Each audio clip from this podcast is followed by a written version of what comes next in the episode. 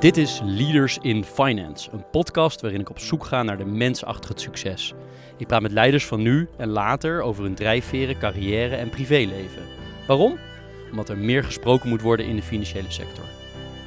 Leaders in Finance wordt mede mogelijk gemaakt door Interim Valley, FG Lawyers en Biscuit. Welkom bij een nieuwe aflevering van Leaders in Finance. Deze week de oprichters van Crowdfundmarkt, Jeroen van der Beek en Frank van der Linden. Crowdfundmarkt schrijf je C-R-O-W-D-F-U-N-D en dan Markt.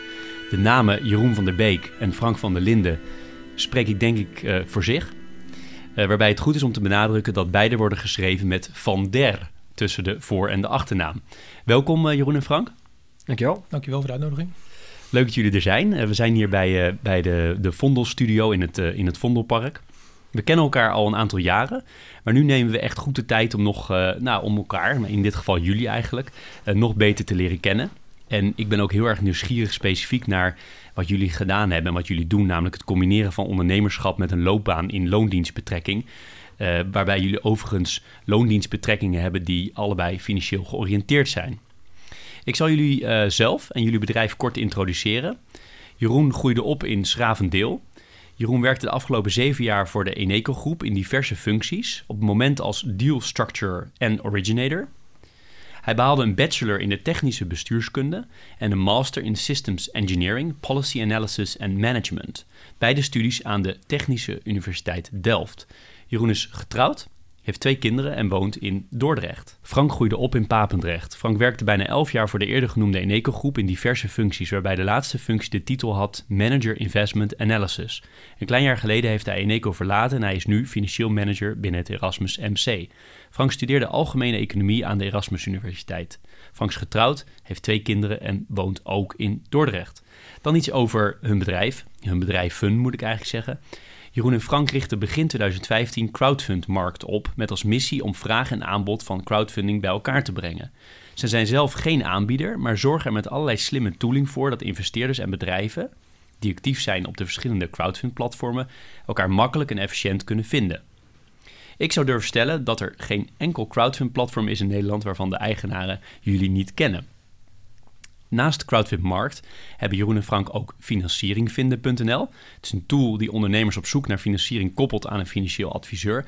En Crowdfund Panel, een tool om de actieve belegger in crowdfunding te helpen om zijn of haar portefeuille verspreid over meerdere platformen overzichtelijk te blijven aansturen. Duizenden investeerders en honderden MKB'ers maken iedere maand gebruik van de verschillende diensten van mijn twee gasten. Nou, dat is een hele mond vol, maar dan hebben de luisteraars wel een beeld bij uh, wie, uh, met wie ik in gesprek ben. En eigenlijk mijn eerste vraag is, um, en ik wil eigenlijk bij jou beginnen Jeroen, um, waarom zijn jullie gaan ondernemen naast jullie carrière in het bedrijfsleven, die ook crescendo ging en gaat? Ja, um, nou ik denk als ik terugkijk al vanaf mijn studietijd vind ik het altijd leuk om met van alles en nog wat bezig te zijn. Ik heb dan ook twee kleine bedrijfjes gehad. Um, de ideeënbox die staat heel de dag aan, om het zo te zeggen. Zo geldt het ook voor het, uh, toen ik bij Eneco werkte en bij Frank in het team zat, dat we continu filosofeerden over wat zou nou leuk zijn om eventueel hiernaast te doen. Meer ook vanuit een energie die het geeft om, dat, om iets te ontwikkelen. Um, op die manier zijn we dat ook gestart. Meer uit een uh, vorm van uh, hobby, interesse. Ehm, dat is eigenlijk de drijfveer waarom we dat gedaan hebben. En was het bij jou zo dat je dat dat al heel lang echt bolde en toen zei we, ik doe het echt? Of was het toch vrij relatief spontaan? Ik denk dat het toch relatief uh, spontaan kwam. Eigenlijk kwam het uit de hoek van Frank. Um, Frank die had zijn huis verkocht en die had wat geld over om te beleggen. Crowdfunding was begin 2015 uh, groeiend. Dat is het nog steeds, zou je kunnen zeggen. Toen zei hij, als die markt echt groot is... dan moet het toch een tool zijn waarop vraag en aanbod samenkomen. Dan moet dat het toch gewoon zijn. Dat was het toen nog niet. Um, hij wist dat ik redelijk kon programmeren en we dat, dat relatief eenvoudig online konden zetten en dat konden gaan testen. Dus zodoende zijn we daarmee gestart en dat ging vrij spontaan eigenlijk. En Frank, uh, wist jij dat je uh, dit met Jeroen wilde gaan doen? Nee, het is eigenlijk toevallig ontstaan. We zaten in hetzelfde team bij Eneco. En inderdaad, wat Jeroen ook aangeeft, we hebben veel gespart over uh, kansen in de markt en om iets ernaast te doen, nog zo maar zeggen. Um, en uiteindelijk is het, zijn we begonnen in 2015 met een, eigenlijk een simpele website waarbij we vraag en aanbod bij elkaar brengen. En ja, dat is eigenlijk die, de afgelopen jaren uitgegroeid tot steeds meer producten en steeds meer samenwerking met beide. En het was niet zozeer van ik wil iets met Jeroen doen, maar we zijn gewoon samen begonnen en dat, ja, we hebben dat avontuur gestart. Um, we starten overigens met z'n vieren. Ja. Maar er waren twee uh, anderen bij, die waren wellicht uh, een bruggetje ook voor later, die waren al vader. Die hadden toch uh, zoiets van, nou dat gaat best wel veel tijd kosten naast je vaste baan. Ja. Dus die haakte in het beginstadium eigenlijk meteen af. dus die stonden wel aan de basis, maar we zijn toen uiteindelijk hebben we zelf samen de BV opgericht. En vond jij het spannend Frank om, om uiteindelijk dit echt te doen? Nou, het ging, eigenlijk is het natuurlijk gegaan. Dus we zijn eigenlijk, um, we hebben het, um, hoe zeg het, het concept steeds een beetje, een beetje uitgegroeid uh, of uitgebouwd. Um, in de zin was het niet heel spannend dat we in één keer iets moesten gaan beginnen of zo. Dus we zijn heel uh, lean en mean begonnen. en dat hebben we langzaam aangebouwd, uitgebouwd. en uiteindelijk moesten we het formaliseren. Dus hebben we een eigen BV opgericht. Hebben we nou ja, alle, alle, alle zaken geregeld die nodig zijn om een, om een bedrijf te starten en om een bedrijf te runnen. Maar het was niet een soort van beslissing van nu gaan we dit starten. Het is organisch gegroeid en ja, op een gegeven moment komt er meer bij kijken dan alleen maar uh, websiteje draaien. Ja, en uh, de, samenwerking is in de jaren is eigenlijk maar alleen maar gegroeid. En we zijn steeds meer naar elkaar toegegroeid in de zin van dat we um, weten wat we aan elkaar hebben en wat we niet aan elkaar hebben. En ja, dat heeft zich bewezen de afgelopen jaren.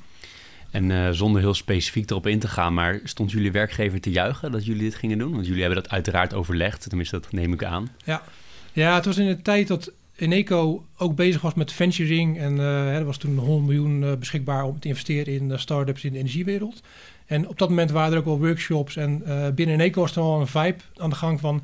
begin iets voor jezelf, denk na over, over andere dingen. Dus dat werd echt positief ontvangen. En um, iedereen was ook ook enthousiast als wij onze ideeën of onze plannen uh, met, met, ja, met collega's bespraken. Dus dat hebben we echt wel geluk gehad met Eneco als werkgever op dat moment. Um, het momentum was ook wel precies goed. En wat is interessant aan, uh, aan, aan crowdfunding? Waarom zijn jullie dit gaan doen en niet heel iets anders? Um, ik denk dat dit heel erg in het verlengen ligt van uh, wat we deden. We werken natuurlijk allebei op een uh, afdeling investeringsanalyse, waar we de business support in het voorbereiden van investeringsvoorstellen. Um, van daaruit is zeg maar bij crowdfunding ook, dus natuurlijk vaak zo, is het de um, investeerder zelf die de afweging maakt: wil ik mijn geld in dit project stoppen of schrijft het crowdfunding platform het vorm, het voor middels een, een rating of iets dergelijks. En die analyse die eraan vooraf gaat, dat ligt heel erg in het straatje van wat we al deden. Het was een groeiende markt. Iets als uh, crowdfunding markt bestond nog niet, een platform. Dus dat was eigenlijk de logische route waarom we voor crowdfunding kozen. En had je het idee ook dat er nu, wat ik in de inleiding al zei, zijn duizenden mensen die er gebruik van maken, iedere maand weer. Had je verwacht dat het zo groot zou worden? Um, verwacht, dat is lastig te zeggen. Ik denk, ik denk het wel. Um, uiteindelijk begin je gewoon met een uh, bepaalde gedachte. We zijn ook uh, analytisch. Dus we hebben ook die markt afgeschat en gekeken van... oké, als we hier een positie hebben, hoe groot is dan die markt?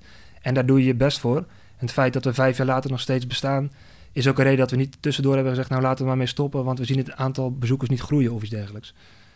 Dus ja, het is altijd afwachten, maar het was een, uh, een soort van gezonde ambitie of uh, dat we zoiets hadden van, oké, dit moet toch, dit moet toch slagen. En hebben jullie veel gebruik gemaakt van, um, van de markten in andere landen die al wat verder ontwikkeld waren? Hè? Dit is typische markt die misschien eerder in bijvoorbeeld in Engeland al, um, al groter geworden was. Hebben jullie goed gekeken en hoe ver hebben jullie dat gebruikt wat daar al was op dit gebied? Ja, we hebben natuurlijk marktonderzoek gedaan. En met name in het buitenland, in Engeland en Amerika, is, het, is de markt verder. Uh, wat je wel ziet is dat de markten wel verschillend van elkaar zijn. Dus in Engeland heb je andere regelge wet en regelgeving. We, zeker aan de ondernemerskant, hè, waar dus ondernemers doorgestuurd worden eh, naar de non-bankaire sector als bij een, uh, bij een bank uh, nee verkocht wordt. en dat is in Nederland eigenlijk nog niet zo ver. Dus dat zijn de markten moeilijk met elkaar vergelijkbaar. Um, en was er in, in het buitenland ook niet echt een concept zoals de crowdfundmarkt. Dus dat hebben we wel zelf ja, het wiel moeten uitvinden. Um, ja. En op een bepaald moment heb je dan zo'n zo'n website. En wat ik altijd interessant vind, wat ik bijna altijd op een manier aan ondernemers vraag, is: ja, leuk dat hij dan online is, maar hoe zorg je er dan voor dat hij echt bekendheid krijgt? Ja, nou, omdat we het naast, het, naast het, zeggen, onze eigen carrières doen, hebben we geen onbeperkt budget. Um, en um, eigenlijk hebben we ook gekozen om organisch te groeien, in, ook in bekendheid. Dus uh, we zijn begonnen met, met de crowdfunding platform. Zoals je in het begin ook aangaf, elk platform kent ons. Maar al redelijk snel kende elk platform ons. Dat is, denk ik, die moeten bekend zijn. We, we, we maken um, um, gebruik van hun projecten. Dus ze moeten weten dat wij hun projecten presenteren. en aan de andere kant was het veel, omdat we dat op een gegeven moment aan data aan het verzamelen waren, konden we daar ja, gewoon nieuwswaardigheid uit halen. en dat is eigenlijk onze kracht, dat wij op basis van die data uh, analyses konden maken die opgepikt werden door verschillende media. Um, en daardoor naamsbekendheid krijgen. Um, dus we hebben geen uh, grote marketingcampagne opgezet om naamsbekendheid te creëren. Dat is redelijk organisch gegaan. En uiteindelijk, jullie zijn geen uh, stichting, jullie zijn een bedrijf. Dus hoe, hoe verdienen jullie geld zelf hiermee? Um, nou, van, afhankelijk van de verschillende platformen die we dan hebben om het crowdfunding markt te starten. Onze klanten zijn eigenlijk de crowdfunding platformen. Wij genereren leads van investeerders ja, die ergens willen, willen investeren en daar betalen zij ons voor. Um, financiering vinden, daarin geven we, genereren we leads voor adviseurs die op zoek zijn naar, uh, naar nieuwe klanten. En voor Crowdfund Panel is het echt een vergoeding die we vragen voor de tooling die wij bieden. Uh, en vragen we daar een vergoeding per jaar om uh, gebruik te kunnen maken van onze tool. Is het nu zo dat dit bedrijf veel lucratiever voor jullie is dan in loondienst? Of is loondienst toch nog steeds interessanter? Of mag ik dan niet vragen?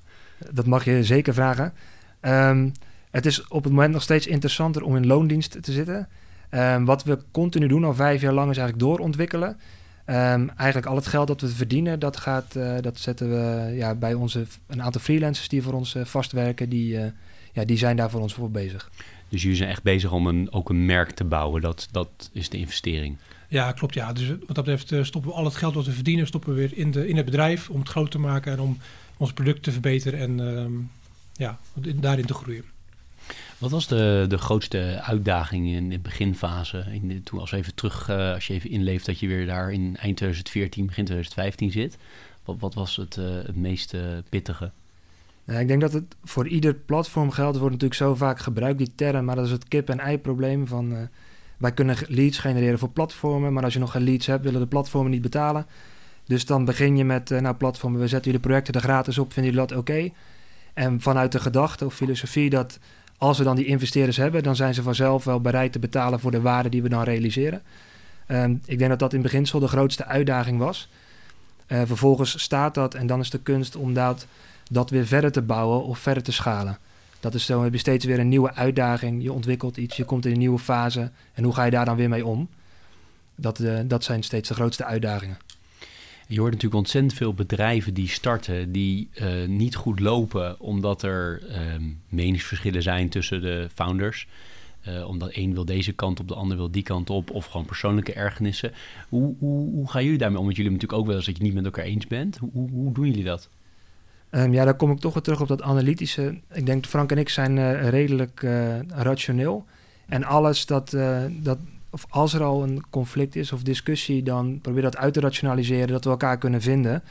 En vooralsnog, ja, het klinkt stom, maar in vijf jaar tijd hebben we eigenlijk nog nooit echt een conflict situatie gehad. Dan gaan we in gesprek en dan komen we eruit. Moet ik eigenlijk nog even checken of dat klopt, hè Frank? Ja, nee, dat klopt inderdaad. En het grote voordeel is dat natuurlijk de, het bedrijf voor onszelf is. We hebben geen uh, vreemd geld erin zitten of uh, geen uh, derde aandeelhouder. Dus we kunnen ook zelf bepalen welke keuzes we maken. en wat dat betreft zijn de, de, lijntjes heel kort. Dus ja, we, hè, wat Jeroen ook aangeeft, we analyseren goed wat, wat ervoor ligt.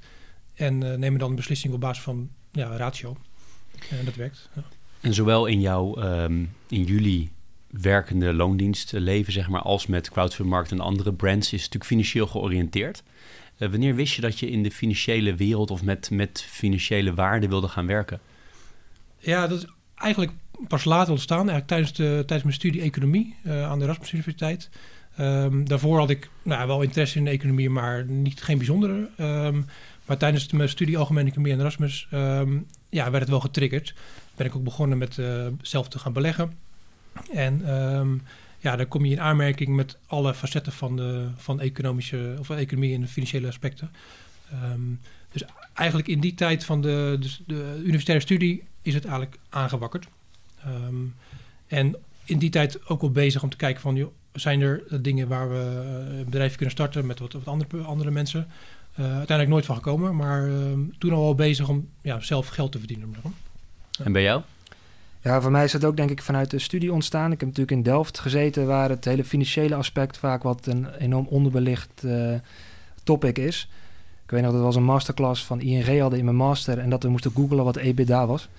Uh, dat hadden we gewoon nog nooit uh, in de studie verder gekregen.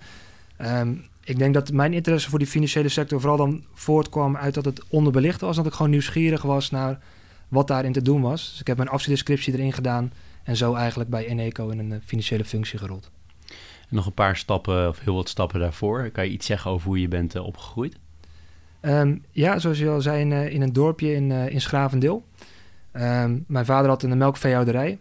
Dus in die zin um, ondernemend. Dus ik heb er wel gezien van de onafhankelijkheid die je daarin hebt, de vrijheid, maar ook het harde werken. het is wel als ik kijk naar mijn persoonlijke ambitie met betrekking tot ondernemen, dan ja, reikt die meer naar nationaal succes of internationaal succes. Dus dat is niet per se wat ik daarin heb meegekregen. Maar het hele ondernemen vooral die vrijheid heb ik altijd wel uh, heel erg gewaardeerd. En werkt u ook altijd mee op de, op de boerderij? Um, ja, niet altijd heel vrijwillig, maar dat was een soort van... Uh, als je vader een bedrijf heeft, ja, dan werk je daar gewoon in mee. Dat was een beetje de, de stelling. en heb je bepaalde, bepaalde normen en waarden meegekregen die nog steeds belangrijk voor je zijn? Um, ja, ik denk dat ik... Um, het is een redelijk behoudend dorpje ook. Redelijk Calvinistisch ingesteld ook, het gezin ook. Maar daar hecht ik wel veel waarde aan. Dus in die zin... Doe maar normaal. Ik wil wees, ga met respect met elkaar om. Dat soort dingen.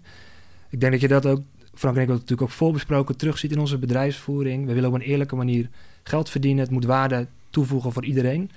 Uh, dat zijn wel dingen die ik wel mee heb gekregen vanuit mijn opvoeding ook. En zijn er ook dingen in je opvoeding waarvan je zegt, daar heb ik me eigenlijk best wel tegen afgezet? Of dat, dat deel, daar zo voed ik mijn kinderen nu niet op? Um, nou, uh, op zich niet echt. Ik moet eerlijk zeggen, die, um, ik had eens gezien ook een, uh, een, een on, of hoe zeg je dat, een opvoedingspsycholoog die zei van uh, als je je eigen kinderen opvoedt, dan doe je het, je je eigen enige referentie, dat zijn je ouders. Je doet het ofwel precies hetzelfde of precies het tegenovergestelde, zei hij toen. Voor mij geldt het dat ik heel veel dingen zie die ik ook heel erg kan waarderen. Vooral het stimuleren ook. Ze zeiden ook van Jeroen, de wereld is groter dan uh, Schravendeel. Ga studeren, ontdek de wereld, ontdek waar je energie van krijgt. En dat zijn dingen die ik ook graag mijn eigen kinderen mee zou willen geven. En Frank, kan jij iets zeggen over hoe jij bent opgegroeid? Ja, uh, ik ben niet, in een, dus niet zoals Jeroen binnen een ondernemersgezin opgegroeid. Mijn vader was uh, gemeenteambtenaar. Uh, en mijn moeder die stopte met werken zodra ehm, nou, eh, mijn zus en ik kwamen, zeggen. Um, Oh, dat, uh, dus dat betreft heb ik het niet van direct meegekregen. Maar mijn opa was een eigen timmerbedrijf, een eigen aannemersbedrijf. Wat mijn oom uh, overgenomen heeft later. Dus ik heb wel iets meegekregen van het ondernemen. Maar wat dat betreft binnen het gezin niet. Maar goed, ik kijk wel terug op een hele, ja, hoe zeg je dat, een zorgeloze jeugd wat dat betreft. En mijn ouders hebben me echt wel een soort van open en ja, ook wel tolerantie meegebracht of meegegeven van uh, sta open voor dingen die op je, op, je afkomen. Sorry. Um, en, uh, maar doe, en doe in ieder geval je best. Dus ik, ik kon wel wat koppig zijn uh, tijdens de puberteit. Er is best wel veel om me ingepraat van... maak nou de keuzes voor, voor goede keuzes voor later, zou ik zeggen. En um, nou, dat, dat wil ik ook wel mijn eigen kinderen meegegeven. Dat, je in ieder geval altijd je best doet en ervoor gaat als je een keuze maakt. Dus um, ja. Hoe motiveren jullie elkaar Um, nou, ik denk met name omdat we elkaar heel veel vrijheid geven. Dus uh, we hebben ons eigen, we hebben allebei ons eigen dingetjes die we binnen het bedrijf doen. Um, en daar, um, daar sparren we veel over, maar we geven ook heel veel vrijheid van, oké, okay, doe het maar gewoon. En uh, we vertrouwen elkaar erop dat het goed komt. Dus heel veel verantwoordelijkheid wordt gewoon verdeeld en uh, dat, dat, werkt gewoon. Af en toe echt wel nodig dat we elkaar even scherp houden van een bepaald toekomstbeeld. Van, oké, hier doen we het voor en oh ja, dit is het grote plaatje. Um, en um, ik denk in de motivatie zit, in beide zit gewoon intrinsieke motivatie om er iets van te maken. En omdat we toch, nou, Jeroen is graag een deel, ik een Papendrecht, maar wel in dezelfde omgeving zijn opgegroeid, uh, min of meer, hebben we toch wel dezelfde normen en waarden meegekregen. En toch van een soort dezelfde, cultuur waar we elkaar wel in vinden. Dus dat is wel, um, ja, dat, is wel, dat werkt wel prettig. Je hebt er al iets over gezegd, Jeroen, maar wat is uiteindelijk het waarom van dit bedrijf? Hè? Dus wat is dat uh, die, waar Frank net noemde, geloof ik, de bigger picture? Of wat is het? Ja, de, ik denk vanaf het moment dat we al gestart zijn, toen zeiden we van, nou, we zien die markt groeien.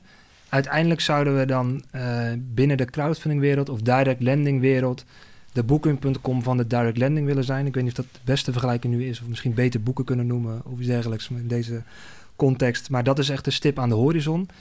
En nog steeds is dat zeg maar het plaatje waar we naartoe werken.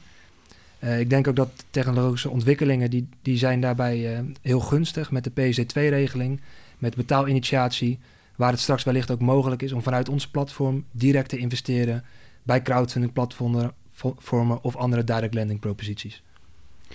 Zoals jullie weten, een van de dingen die ik heel boeiend vind, is het feit dat jullie zo'n succesvol bedrijf hebben opgericht en volgens mij ook heel succesvol zijn in je, in je, je loopbaan in loondienst. kunnen we samen eens een boom opzetten wat daar de voor- en nadelen van zijn? Wat, zijn nou de, de, de voordelen van um, een bedrijf opzetten naast je werk ten opzichte van een bedrijf volledig uh, opzetten, gewoon vanuit het niets? Uh, ben ik heel nieuwsgierig naar. Er zijn heel veel meningen over, maar hier hebben we in ieder geval één praktijkcasus die je minder vaak ziet volgens mij. Je ziet toch ook wel heel vaak dat mensen op een zeker moment nog wel deze basis kiezen, maar dan helemaal ondernemer worden. Of uh, gewoon één keer starten helemaal als ondernemer. Dus misschien, uh, Jeroen, bij jou beginnen. Nou, om de, te starten zeg maar op de stam, dat is toch baanzekerheid is natuurlijk, werkt echt in het voordeel van als je in looddienst bent. Dus je hebt natuurlijk veel minder risico als je iets ernaast doet. Um, voor mij, ik zeg altijd, het is mijn leukste hobby. Ik haal ook energie uit. Het is een heel ander speelveld waarin je werkzaam bent. je vraagt om hele andere competenties, vraag je ook uh, om die te ontwikkelen. Wat, ook weer, wat je weer meeneemt naar je eigen baan in, uh, in uh, loondienst. En die kan daar ook van mee profiteren. Dus um, ik zie het echt als win-win. En we hebben altijd vanaf het begin af gezegd van het een mag niet ten koste gaan van het andere soort van. Het moet een beetje hand in hand gaan. Dat zeggen we ook bij onze werkgever van joh, als het aantoonbaar is dat onze werkzaamheden eronder lijden dan uh, geef ik jou het recht om X, Y, Z of iets dergelijks. Um, dus ja, dat was, dat was een start van de bomen. Van. Ja. ja, ik denk inderdaad wat je ook aangeeft. Dat we, met het ondernemen leer je ontzettend veel. Alle facetten van een onderneming. En dat neem je ook weer mee naar je, naar je reguliere werk op je, in, in je eigen loopbaan. um, dus dat is denk ik een van de, een van de voorwaarden. Dat, dat het ook voor de werkgever interessant is dat, dat je zit, dat als persoon ontwikkelt en daarmee ook meerwaarde heeft voor het bedrijf waar je voor werkt. Um, wat het, wat het voor ons, uh, uh, wat voor ons werkt, dat, we het, dat het is voor onszelf. Dus we kunnen ook de ene keer als we wat, um, uh, wat we meer tijd hebben, kunnen we meer tijd stoppen. Als we tijd hebben, kunnen we minder tijd stoppen. Er is geen derde partij die ons zegt van oké, er moet een bepaald rendement uitkomen of we moeten bepaalde doelen halen. Die stellen we zelf. En dat kan, uh, dat denk ik wel een voorwaarde voor ons succes en afgelopen vijf jaar. Dat we makkelijk kunnen opschalen, afschalen van, uh, van energie en, uh, en werkzaamheden. Um, maar elke keer wel uh, met het oog dat we bepaalde resultaten willen halen. En uh, dat mag natuurlijk niet, ja, niet ten koste gaan van de resultaten die je wil behalen. Ja, dat eigenlijk. En meer aan de nadelenkant, wat zien jullie als nadelen? Nou, het is natuurlijk intensief. Dus je hebt een, een, een fulltime job en meer dan fulltime job uh, dagelijks. En, en dan uh, heb je uh, ook nog dingen die ernaast spelen. Dus zeker in de begintijd, ehm, toen we beide geen kinderen hadden, ja, gingen de avonden en de weekenden wel daarin op. Dus het heeft echt wel veel tijd gekost om het op te zetten. Um, vervolgens hebben we wel veel geautomatiseerd. Dus, dus dat is weer, heeft wat minder, het, minder tijd eh, intensief geworden. Maar zijn we meer in de productontwikkeling en meer in de, nou, het, uh, het nadenken over um, uh, meer tijd gestopt. Um, maar dat is natuurlijk wel een, ja, een, een spanningsveld tussen aan de ene kant uh, je, je, je, reguliere baan, de, de, onderneming en nog een gezin uiteindelijk, hè, de afgelopen twee, drie jaar. die, ja, alle, alle partijen hebben aandacht nodig. dus, ja, nee, zeker. Daar, daar sluit ik me aan. Dat is inderdaad een, een uitdaging. Wat, wat Frank ook zegt qua automatisering. Um, we werken super efficiënt. Dat moet ook wel, want de tijd is in die zin schaars. We hebben al dat soort van 80-20 regel. Als het uh, product 20% beter wordt, dan gaan we hier geen resources aan spenderen. En dat werkt, dat werkt wel. Dus ik durf wel te stellen dat zo'n beetje alles wat geautomatiseerd kan worden bij ons, dat is zo. En um, dat geeft je de mogelijkheid om ook verder te werken aan je business en aan die stip aan de horizon verwezenlijken. Ja, doe me denken aan een eerder interview met Harry Vollaert van de Rabo Frontier Ventures. Die zei ook van juist als je hij, het ging daar dan over de, de, de, de kruimels pakt en daar een succesvol bedrijf van maakt. De kruimels in de financiële sector. Bij jullie is het, je moet wel efficiënt zijn, want je hebt gewoon minder tijd dan als je het volledig zou doen. Maar toch gooi ik alvast even mijn teaser erin, want die heeft wel heel erg met dit onderwerp te maken. En die teaser die luidt als volgt. Ik vind het heel knap, en ik denk dat het heel knap is, om deze bedrijven die jullie nu hebben, hebben opgezet, um, zo groot hebben gemaakt.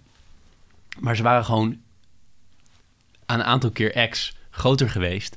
Als jullie op een bepaald moment gestopt waren met loondienst en gewoon dit volledig waren gaan doen, dan waren er misschien nog wel extra labels bij. Nou, ja, dat heb je al een aantal keer... Vanaf het begin heb je dit aangegeven eigenlijk. Hè? Dus we hebben elkaar, ik denk, zes, vijf, zes jaar geleden ontmoet. En dat was eigenlijk de eerste reactie die, die je gaf. Van uh, waarom doe je dit uh, daarnaast? Um, het heeft natuurlijk ons wel getriggerd om uh, over na te denken. Um, maar uiteindelijk weegt, heeft, heeft een afgelopen jaar nog steeds opgewogen... wat Jeroen aangaf, de stabiele basis die we hebben in loondienst... versus de potentie die in de crowdfundingmarkt zit. Um, we, we, zijn wel afhankelijk van de groei van de markt aan zich... En we kunnen een deel van de markt zelf maken, maar ja, ook niet alles. Om dus wat dat betreft um, zijn we afhankelijk van bepaalde uh, externe factoren. En um, nou, dat heeft altijd ons altijd weerhouden om zeggen, de stap te zetten uh, naar fulltime uh, ondernemen. Ja, ik denk dat we juist doordat we weinig tijd en middelen hebben, hè, relatief, moeten we efficiënt werken en kunnen we ook efficiënte beslissingen nemen. Als wij nu 40 of 60 uur met crowdfundingmarkt bezig zijn, ja, wat gaan we dan doen? Dat hebben we eens afgevraagd. We, hebben wel een vrije middag genomen van, oké, nu gaan we aan crowdfundingmarkt werken. Oké, okay, ja, wat, wat gaan we dan doen? Dus, en, uh, en, nu, en nu doen we het uh, erbij en uh, hebben we snel contact en nemen we heel snel beslissingen. Anders ben je in de middag bezig over een beslissing. Dus dat, dat, ja, de vraag is, wordt het daar beter door? Dan daar valt denk ik nog iets op af te dingen. Je had ook meerdere landen kunnen gaan. Je had natuurlijk meerdere labels kunnen maken. Of die labels wel eerder kunnen hebben. Ja, ik bedoel, ik ga een beetje de teaser, ja. uh, mijn punt, mijn kant ja. van de teaser verdedigen. Want hij, zoals je terecht al aangaf, kan natuurlijk niet helemaal uit de lucht vallen. Want we kennen elkaar al een beetje. Maar Jeroen, wat vind jij ervan? Um, ja, dus met terugwerkende kracht, als je fulltime erin had gezeten, natuurlijk was het x keer groter geweest. Um, ik vind het wel interessant, ik heb net het boekje van, uh, van Spotify gelezen. Uh, zelf uh, heeft er niet aan bijgedragen, Daniel Eck. Maar meer om, om, te kijken van hoe zij een businessmodel ontwikkeld hebben. Nou, ik wil het niet per se vergelijken met dat van ons, dat zou. Maar die hebben ook, het is, het is continu proberen een bepaalde hypothese en die testen. En dat hebben we wel, zeg maar, vijf jaar lang gedaan. We hebben wel laten zien dat we steeds ontwikkelen, steeds kijken van, hé, hey, misschien werkt dit, hebben we hier iets te pakken. En ik durf te stellen dat als we echt iets hebben dat we zeggen, hé, hey, dit werkt echt, hier zijn we van overtuigd. Dat we dan heus wel durven te stellen van, oké, dan gaan we het nu proberen te laten financieren en dan gaan we het groot maken. En vooralsnog is inderdaad in de markten die we zitten, dat is ook een keuze, um, is dat lastig om daarin te schalen. Internationaal groeien met bijvoorbeeld Crowdfund Panel, dat ligt voor de hand. We zijn er nu ook mee bezig met PC2-implementatie. Um, uiteindelijk moet wel het product ook bij de gebruikers die we nu hebben, moet het een fantastisch product zijn om voor ons de soort van zekerheid te hebben.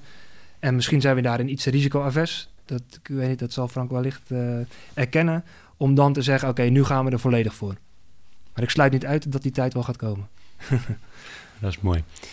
Als je kijkt naar, uh, naar het onderwerp feedback, een heel ander onderwerp. Maar hebben jullie, um, kunnen jullie iets naar boven halen uit je, je loopbaan uh, in loondienst of vanuit het bedrijf waarvan je zegt dat was feedback die ik heb gekregen waar ik nog steeds heel veel aan heb? Ja, ik, kan wel weer starten. Um, toen ik startte bij, uh, bij Eneco zaten we in een uh, traject van een half jaar met het team, een soort van persoonlijk ontwikkeltraject. En um, ik weet nog dat ik in mijn tweede week zat ik bij een soort review committee om een bepaalde investering te verdedigen. En ik merkte dat ik best wel zenuwachtig was van, joh, ik weet toch niet alles. Toen had ik die dame die dat begeleidde bij ons, die zei van, joh Jeroen, maar als je gewoon expliciet aangeeft van, jongens, zoals je begrijpt, ik ben nu twee weken in dienst ik, uh, naar, naar eer en geweten zal ik proberen die vragen te beantwoorden, maar ik kan ook niet alles weten. Um, dan zullen ze dat altijd begrijpen. En voor mij is het tot de dag van vandaag wel een soort van sterk advies. Dat ik altijd kan denken van oké, er wordt me nu iets gevraagd. Ik heb een bepaalde opdracht. Kan ik redelijk, redelijkerwijs aan deze opdracht voldoen? Of zijn er dingen waar ik ja, het even open moet laten of iets dergelijks? Dat geeft me wel heel veel rust. Ik vond het een heel goed advies. Hoe ga je er meestal mee om als je feedback krijgt? Uh, vind je dat leuk of is het moeilijk? Um, ik, ik vind het... Uh, ik denk dat ik heel goed reflecterend vermogen heb. Um, dus als mensen ook feedback geven, sta ik er altijd voor open. Het is altijd interessant om vanuit de perceptie van die feedback geven... dan denk ik, oké, okay, wat is de reden waarom hij dat op deze manier aangeeft? Um, goede collega van me, daar heb ik uh, veel sessies tot, uh, tot diep in de nacht in de kroeg gezeten. En dan gingen we heel de avond filosoferen over... hoe zien mensen mij, hoe zien mensen mij binnen een organisatie... hoe kom ik over, wat zijn zwakke of sterke punten. Dat is heel interessant om dat allemaal van jezelf te ontdekken... En uh, dus in die zin sta ik altijd heel erg open voor feedback. Ja, ik, ik, eigenlijk in het begin van mijn carrière was ik financieel analist. En daar was ik heel erg op, de inhoud gedreven. Dus ik had eh, bij, bijvoorbeeld bij een meeting, wilde ik het goed voorbereiden. Wilde ik de, op de inhoud ehm, eh, alles bij kunnen dragen, om zeggen. En ehm, uiteindelijk versta je dan ook wel een beetje van... oké, de- ik ben de financieel analist, financieel analist, dus ik moet mijn rol dan spelen. En op een gegeven moment zei iemand, van me, tegen, zei iemand tegen me van... maar er komt geen financieel analist binnen, er komt Frank van der Linden komt binnen. zeggen. En die kan ook meer bijdragen dan alleen maar het deeltje van het puur inhoudelijke waar je verantwoordelijk voor bent. Dat was wel een eye-opener voor mij, dat ik zou zeggen, natuurlijk moet eh, waar je voor aangenomen bent of wat je rol is, moet je, eh, moet je goed doen, dan moet je goed voorbereiden. Maar je kan je rol ook veel breder pakken binnen een meeting of een. Of nou of een dus je kan meepraten over beslissingen, eh, niet alleen maar op jouw vakgebied. En dat heeft me wel geopend van oké, ik moet me veel breder oriënteren. Ehm, en dan kan ik nog veel meer waarde toevoegen aan die meeting of aan het bedrijf waar je voor werkt. Dus dat is wel een eye-open- eye-opener voor mij. Interessant.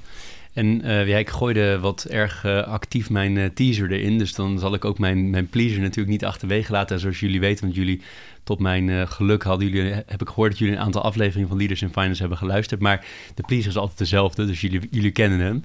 Maar hebben jullie bepaalde boeken waarvan je zegt, die hebben mij erg geïnspireerd? Of die, die geef ik wel als cadeau aan mensen? Ehm, of zeg je nee, ik lees eigenlijk helemaal niet. Ik eh, heb een hele leuke film of serie die ik graag eh, wil delen. Of, of nog iets anders. Eh, Jeroen? Ehm, nou, vooral gelet op, eh, op onze onderneming is het eh, boek wat ik echt kan aanbevelen is Lean Startup. Tenminste, dat is die hele filosofie, die voeren we al vijf jaar door. Het is een bekend boekje, denk ik, waarbij je zegt van oké, de kern van het idee dat je hebt, dat ga je zo goedkoop mogelijk, zo efficiënt mogelijk testen. En op het moment dat je een beetje tractie ziet, dan ga je schalen, ga je kijken wat er voor nodig is om dat verder uit te bouwen. Ehm, ik denk dat dat eentje is die echt voor ons eh, heel erg aan te bevelen is. Waar ik zelf veel persoonlijk aan gehad heb, is eh A New Earth van Eckhart Tolle. Dat gaat eigenlijk over het idee dat alle keuzes die je maakt, alle dingen die je doet, gedreven worden vanuit de ego. En de ego wil altijd meer, groter, beter, et cetera. En de kunst is om dat van jezelf te, wellicht als je dat ziet, te erkennen. En daar dat ook te relativeren of iets dergelijks. Voor mij was het heel herkenbaar dat ik dat tot op zekere hoogte wel een beetje zie. Ook de hele hedonistic treadmill van beter, meer, groter, betere carrière, dat soort dingen. Maar op het moment zelf tevreden kunnen zijn, maar wel met een gezonde ambitie, et cetera, naar de toekomst toe. Dat is heel interessant. En wat ik daarbij altijd boeiend vind is, als je dat leest, heeft het ook echt impact op je, je handelen uiteindelijk, denk je? Ehm, zeker, zeker. Ik, ehm, dat soort denkbeelden, daar ben ik me dan ook van bewust op dat moment. En dan herken je ook situaties dat je zegt van... hé, hey, Jeroen, misschien draaf je hier iets te, te ver in door of dergelijks. Weet je, dat soort dingen, dus zeker neem ik dat mee. Heb je nog andere boeken die je wilt delen? Of ja, dit is al hartstikke mooi hoor, maar Ja. check het even. Nou, er er is er nog eentje, dat is, eh, dat is mijn cadeautje op, eh, op verjaardagen. Dat is eh, The Art of Thinking Clearly. Dat is van Rolf Dobelli, die heeft ook een column in het NRC gehad. En het gaat eigenlijk over structurele denkfouten die mensen maken. Ehm, we zijn natuurlijk die, eh, die analisten redelijk rationeel. Maar het is heel interessant te zien hoe mensen soms willen ze weten een keuze maken... waarbij je kan zeggen van, joh, als je een beetje nadenkt... ik- ja, maak je nu een denkfout. Wellicht dat je het op een andere manier kunnen doen. Bekend is bijvoorbeeld de sunk cost fallacy. Dat je een, een keuze maakt op basis van kosten die je al hebt gemaakt. Maar ja, die kosten zijn gemaakt. Nu moet je gewoon de keuze maken die nu vooruit de beste is. Dus ik heb al 10.000 euro uitgegeven. Dat is al verloren. Nu moet ik beslissen of ik nog een keer 10.000 euro uitgeef. Dan ga ik hem niet, bijvoorbeeld niet doen, omdat ik al 10.000 heb uitgegeven. Precies, dat is een slecht eh, argument. Dat is niet, niet rationeel, om maar zo te zeggen. Interessant. Nee, ik ben, wat dat betreft eh, ben ik niet, niet vergelijkbaar met Jeroen. Ik ben eigenlijk helemaal geen lezer en ik heb eigenlijk geen voorbeelden van, eh, van boeken die ik cadeau, cadeau doe. Ehm, maar wat, zeggen, in de voorbereiding wel nagedacht over wat, wat heeft je getriggerd en meer uit vanuit de media. Dus eh, ik heb een keer zo'n de, de college tour van, ehm, eh, van Bill Gates gekeken, maar zeggen. En die, die gaf aan van ja, als je in de- op dit moment is ondernemen eigenlijk, ehm, hoe zeg dat? Wordt het ondernemen makkelijk gemaakt met alle middelen die nu vandaag de dag beschikbaar zijn. En dat heeft me wel aan het denken gezet van, eh, voor de eigen onderneming. Ja, er zijn zoveel middelen, ehm, bijna gratis of eh, voor beperkte kosten beschikbaar, ehm, dat het eigenlijk ja, zonde is om dat niet te benutten. En dat, dat zie je ook in onze organisatie. Eh, wij, met beperkte middelen kunnen we heel veel bereiken. En dat komt eigenlijk door de huidige stand van technologie. En Bill Gates zei ook van, ja, dat, dat was, weet ik veel, 40 jaar geleden heel anders. En het was eigenlijk veel moeilijker om te ondernemen. En nu is het, ja, eigenlijk wordt het heel makkelijk gemaakt. Ehm, eh, en dan is het eigenlijk van, waarom eigenlijk niet? Nou, Jeroen, ik zou Frank maar eens een keer een boek cadeau geven. Maar dat, uh, dat terzijde. Um, uh, Frank, heb jij, heb jij bepaalde tips voor mensen die nu aan hun carrière beginnen? En dan misschien een, een, heb je een tip voor mensen die in dat in loopbaan willen doen, maar misschien ook mensen die willen gaan ondernemen. Of de combinatie zoals jullie. Ja, ik denk dat je. De, de, de, de belangrijkste tip is denk ik dat je gewoon moet beginnen met, met iets waar je, waar je passie ligt of waar je hart ligt. Zeggen. Um, en je moet gewoon starten ergens. Dus je ziet best wel veel, um, ook uh, in, mijn, in mijn loopbaan als, als manager, zag je veel starters die een, een bepaalde kant op wilden en uh, daar best wel moeilijk over deden van, oké, ik wil bij dat bedrijf werken en dan uh, zit mijn carrièrepad. Wat ik gezien heb is dat je eigenlijk gewoon moet beginnen ergens en dan gaandeweg wel je weg vindt en je plek vindt binnen een organisatie. En ik zou vooral aan de, nou, aan de starters of de, de jongeren mee willen geven van begin gewoon ergens en dan uh, kan je altijd switchen. En je kan altijd een bepaalde kant op. Maar ga gewoon meters maken en ga ervaring op doen. Um, en, maar zie je dan ook mensen die niet ergens starten bijvoorbeeld, omdat ze denken dit is niet perfect? Moet ik het zo nou, zien of, of, anders? Nou, misschien ook wel meer dat de, of ze starten wel ergens, maar dan de verwachtingen veel te hoog leggen. Dus ja, je begint ergens en dan uh, je bent niet gelijk directeur, zullen we zeggen. En dat is dan wordt het best wel een soort van uh, hoe zeg je dat? Uh, nou, klap met het gezicht niet zeggen, maar ja, dat kan een teleurstelling zijn. Zeggen. En op het begin van de carrière moet je beseffen dat je waar je begint Um, en je moet gewoon veel ervaring op doen. En um, zeker nu met het ondernemen wat wij doen, de, de, naast de loopbaan, is dat je heel veel facetten daarmee meekrijgt. Mee, um, en ik heb ook wat advies, gegeven van, bij, bij spreken doe je de administratie van je vereniging of van, een, uh, van je vrouw die ZZP'er is. Weet je wel? Dus begin gewoon iets waar je, uh, waar je meters kan maken en veel kan leren. En dan ontdek je vanzelf waar je, waar je echt iets mee kan. Ja, nou vooral met betrekking, uh, als ik een advies kan geven op een combinatie van uh, loondienst en, uh, en een side hustle, als het dan heet. Um, dat is inderdaad gewoon, doe het gewoon. Ik heb natuurlijk vanuit mijn studie ook vriendengroepjes en dan gaat het altijd over wat zou daarnaast kunnen doen, hoe zullen we de wereld kunnen veranderen, et cetera. En uiteindelijk blijft het vaak bij ideeën waarin je zelf toch tegenhoudt van, joh, nou ja, er bestaat al zoiets in, weet ik wat, Zweden, of die hebben net geld opgehaald, dus ik ben al te laat, of ik heb dit, of zus of zo. Maar uiteindelijk bestaat overal altijd wel een markt voor, die kun je zelf ook maken. En door het gewoon te doen, en helemaal vanuit het Lean Startup gedachte, dat hoeft geen 40 uur per week te kosten of iets dergelijks. Er zullen ook uiteraard ondernemers zijn die, dat, uh, die het daar wellicht niet mee eens zijn. Die zeggen, je moet je hele ziel en zaligheid erin kunnen stoppen. Ik ben ervan overtuigd dat serieus, als je... Je hoeft ook niet per se meteen rijk van te worden. Dat moet je vooral verrijken en je moet er energie van krijgen. En je gewoon persoonlijk daarin uh, een, stimulans zijn om, uh, om intrinsiek gedreven daarmee door te gaan. Mooi. Hoe, um, en dat is denk ik bij jullie helemaal interessant om te vragen, maar hoe uh, combineer je, zoals je zelf al zei, eerst hadden we geen kinderen, toen wel, maar destijds, maar vooral nu, hoe combineer je dit allemaal, privé en zakelijk? Um, het klinkt gek, dat gaat toch min of meer een beetje vanzelf. Um, mijn vrouw is ook, die is heel erg flexibel ook uh, daarin. We plannen, overleggen wel gewoon goed. En er zijn, uh, ik werk hier ook alleen aan als, uh, als de kinderen op bed liggen bijvoorbeeld. Probeer een gezonde work-life balance door voldoende te sporten, samen met Frank. De meetings die combineren we op de racefiets bijvoorbeeld. Dat is leuk om te doen.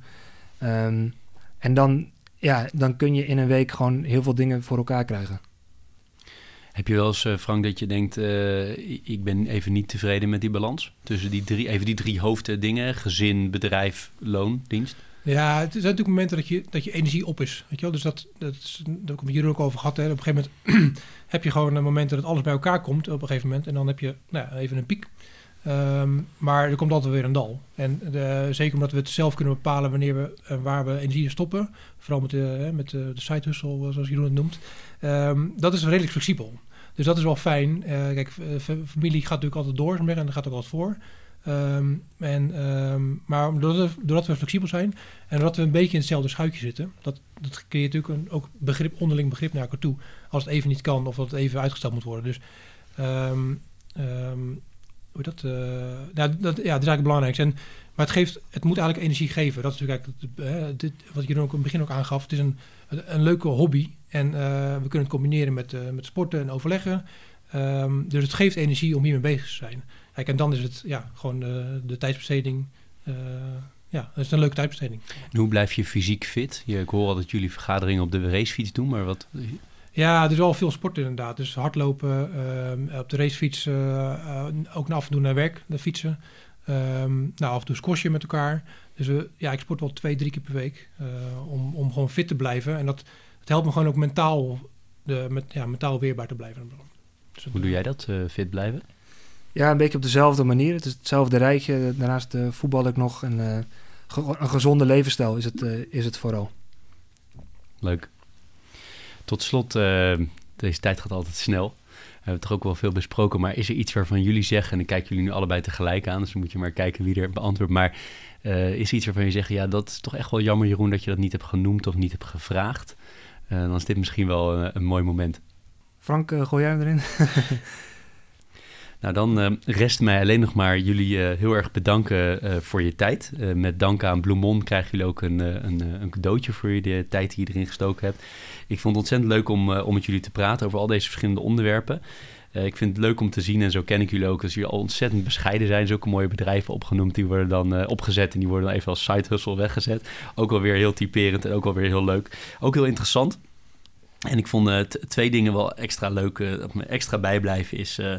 wat jij zei, Jeroen, eh, vrij vertaald hoor. Maar eh, het gaat er niet om, om, om, om er rijk van te worden, maar het moet je primair ook verrijken. En natuurlijk is het leuk om er wat bij te verdienen, maar van rijk worden en verrijken, dat vind ik een mooie.